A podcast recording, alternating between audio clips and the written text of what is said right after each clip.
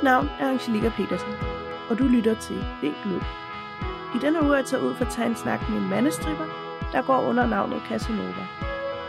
Til daglig læser Casanova en bachelor i ernæring og sundhed.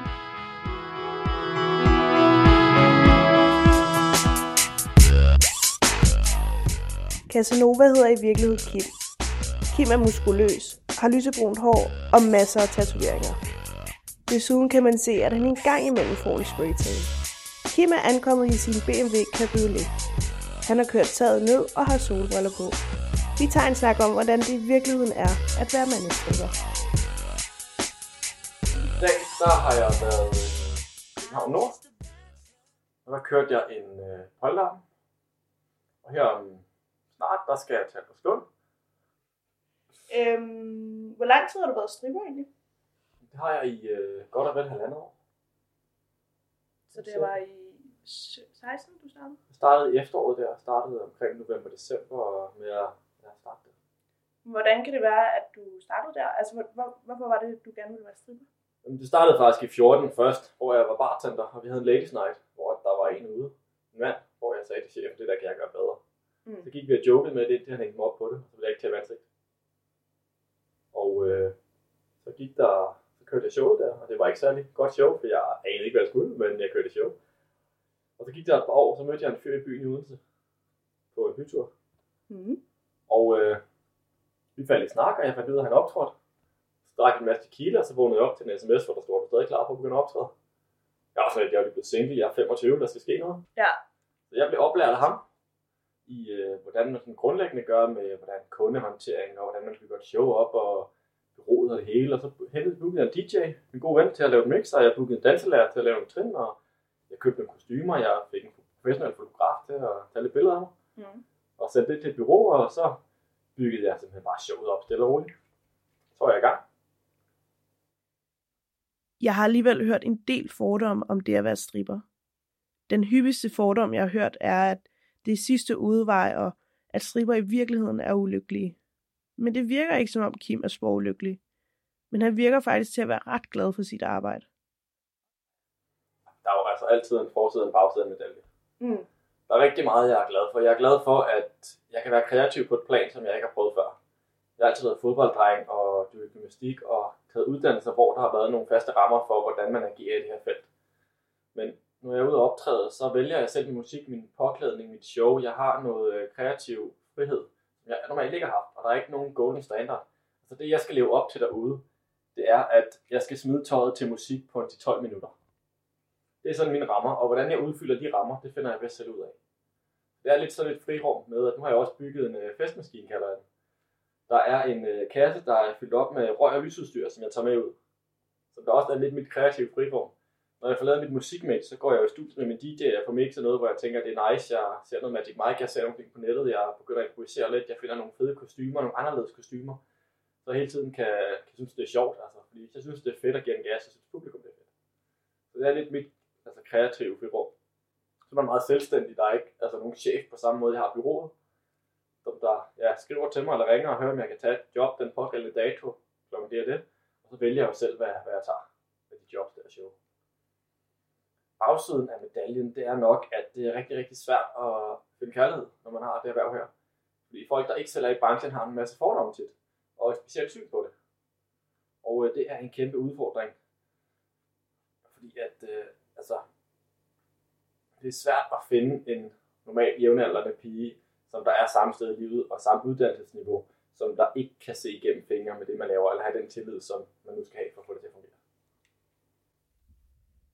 Jeg stusser lidt over det med kærligheden. Det var ikke et perspektiv på strip, som jeg lige havde overvejet. Kærligheden vil jeg vende tilbage til senere.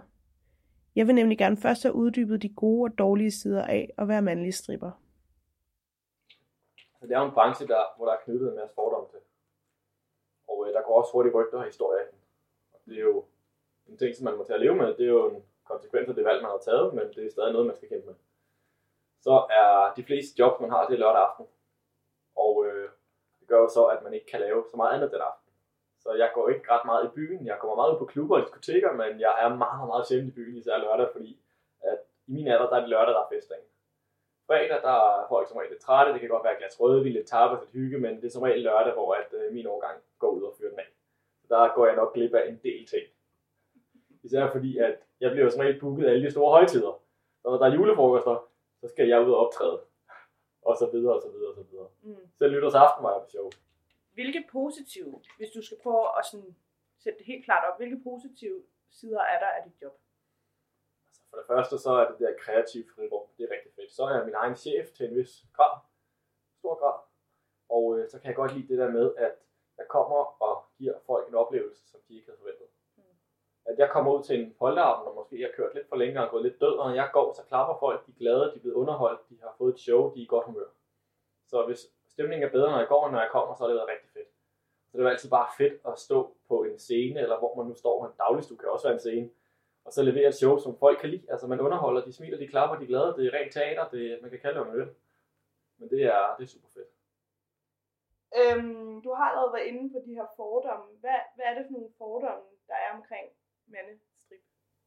Altså, der er fordomme om, at man er løs på tråden og er sammen med alle mulige forskellige, og har et meget, hvad kan man kalde det, meget øh, frit sexliv. Og at man altså, selvfølgelig, altså det der med, at hvis man er i et forhold, så går man ud og knapper efter shows og sådan noget, den fordom er der jo. Er der hold i fordommene? Altså for mit eget vedkommende nej, kan jeg sige, men jeg skal ikke kunne tale for alle andre. Men umiddelbart nej, jeg synes de fleste artister, jeg møder, mandlige og kvindelige, der er de i forhold. Jeg tror også, det handler meget om, at når man er ude og give noget af sig selv, der er så normalt er så personligt, så har man brug for den tryghed, når man kommer hjem. Altså når jeg har kørt en 3-4 shows på aften, så har jeg sgu ikke lyst til at tage i byen og give den virke. Så altså, har jeg sgu mere lyst til at være sammen med en, som der holder af mig for det, jeg indeholder, og ikke det, jeg optræder med. Det er jo det der med, at jeg er nået til det punkt, hvor at det at være nøgen for mig, det, jeg føler mig ikke blottet. Altså, jeg læste en øh, god artikel på format omkring en øh, krokimodel, som der skrev som overskrift, jeg er nøgen, men jeg blotter mig ikke. Og den holder jeg mig også op af med, at det er min krop, de ser, men det er ikke min personlighed, de ser. Jeg er ude som objekt, og det har jeg accepteret, og det er en del af gamet. Men når jeg kommer hjem, vil jeg gerne have en partner, som der sætter pris på det, jeg har inde i mig selv. Fordi en nøgen krop, det har vi sgu alle sammen. Og grundlæggende, der ligner vi alle sammen hinanden. Altså, der er lidt størrelse og farveforskel og lidt højde og lidt, ikke? Men altså, det er to arme, det er to ben, det er 10 fingre og 10 til, og altså, mandlige og kvindelige træk. Så, så selve det der med at være nøgen, synes jeg ikke, altså, der er noget i på den måde. Det er jo bare, som vi ser ud. Men de ting, jeg indeholder som person og som menneske, det er der ikke andre, der gør. Der er jeg, altså, lige så unik som min fingeraftryk. Og der føler du, når du har været til show, efter at du har ekstra brug for, at der er nogen, der ser Jamen, altså, personlighed, det, er eller... jo, det er lidt det, altså det er jo det der med, at man bliver bekræftet rigtig meget for det ydre og som objekt, men når man så kommer hjem, så vil man gerne bare bekræftes for ikke at skulle levere, ikke at skulle se ud på en bestemt måde, men bare være. Hvor et show, det booster selvtillid rigtig meget, men så vil man gerne have en partner, som der booster selvværd. Det er derfor, jeg tænker, at der er mange i branchen, som der er i forhold eller er gift, eller på den anden måde har en fast partner.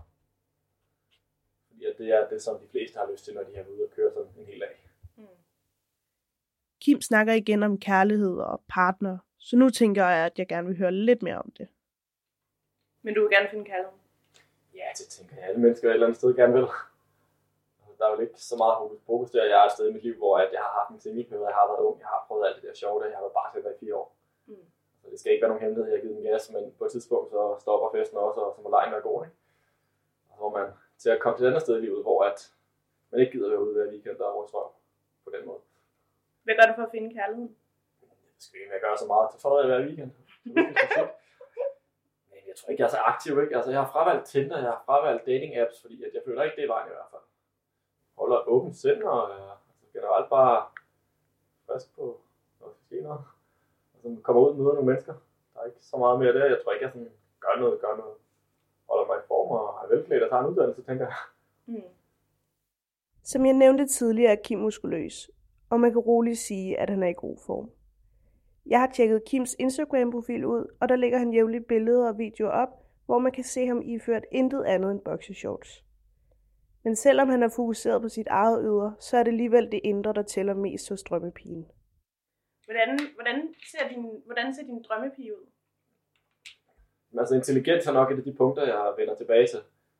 Jeg synes tit, altså folk, der altså, har lidt til intelligens, har det med at slappe lidt bedre af i forhold til, øh, til livet. Og altså forstå det store billede lidt mere, ikke gå så meget af mok og gå i spåne over detaljer. Mm.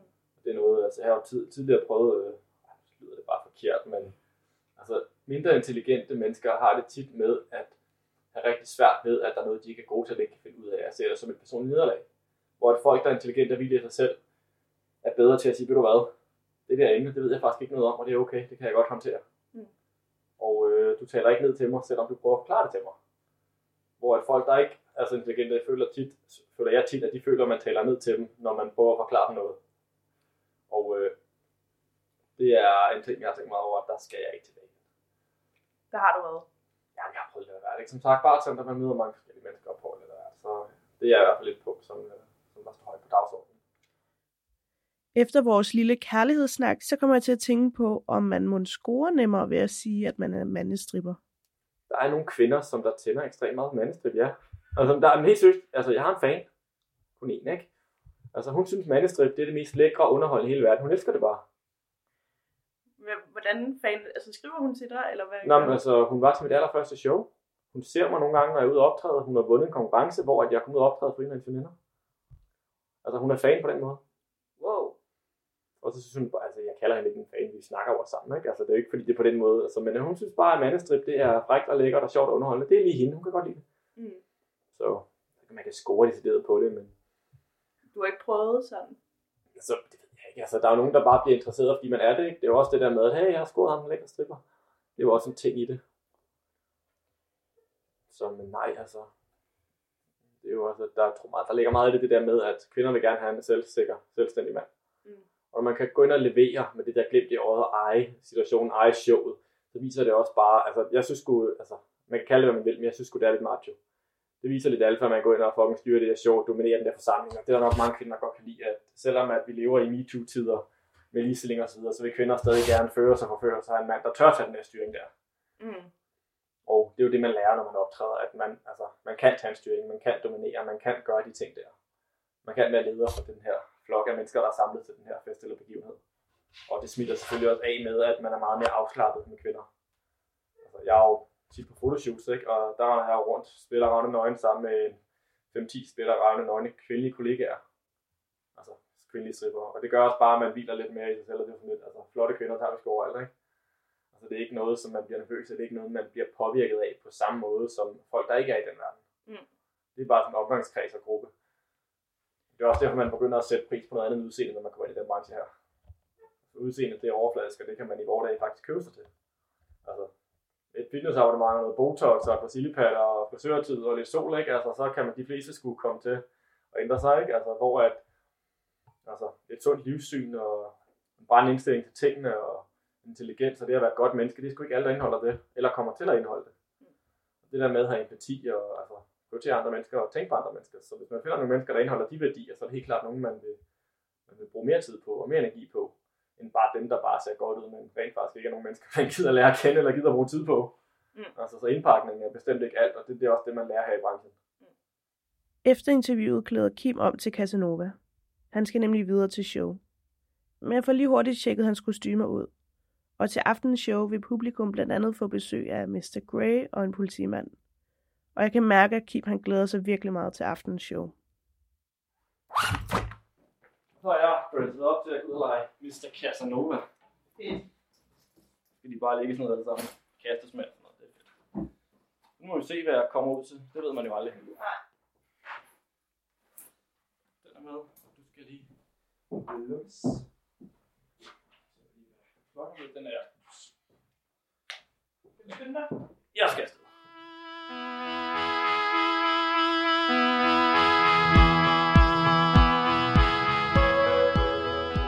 Jeg har i denne uge produceret Vinklyd, og mit navn er Angelika Petersen. Vinkjinglen er produceret af All the Colors of the Dark. Du kan høre flere af vores spændende episoder på vores hjemmeside, vink.bh.dk, eller ved at søge på Vinklyd i iTunes. Tak fordi du lyttede med.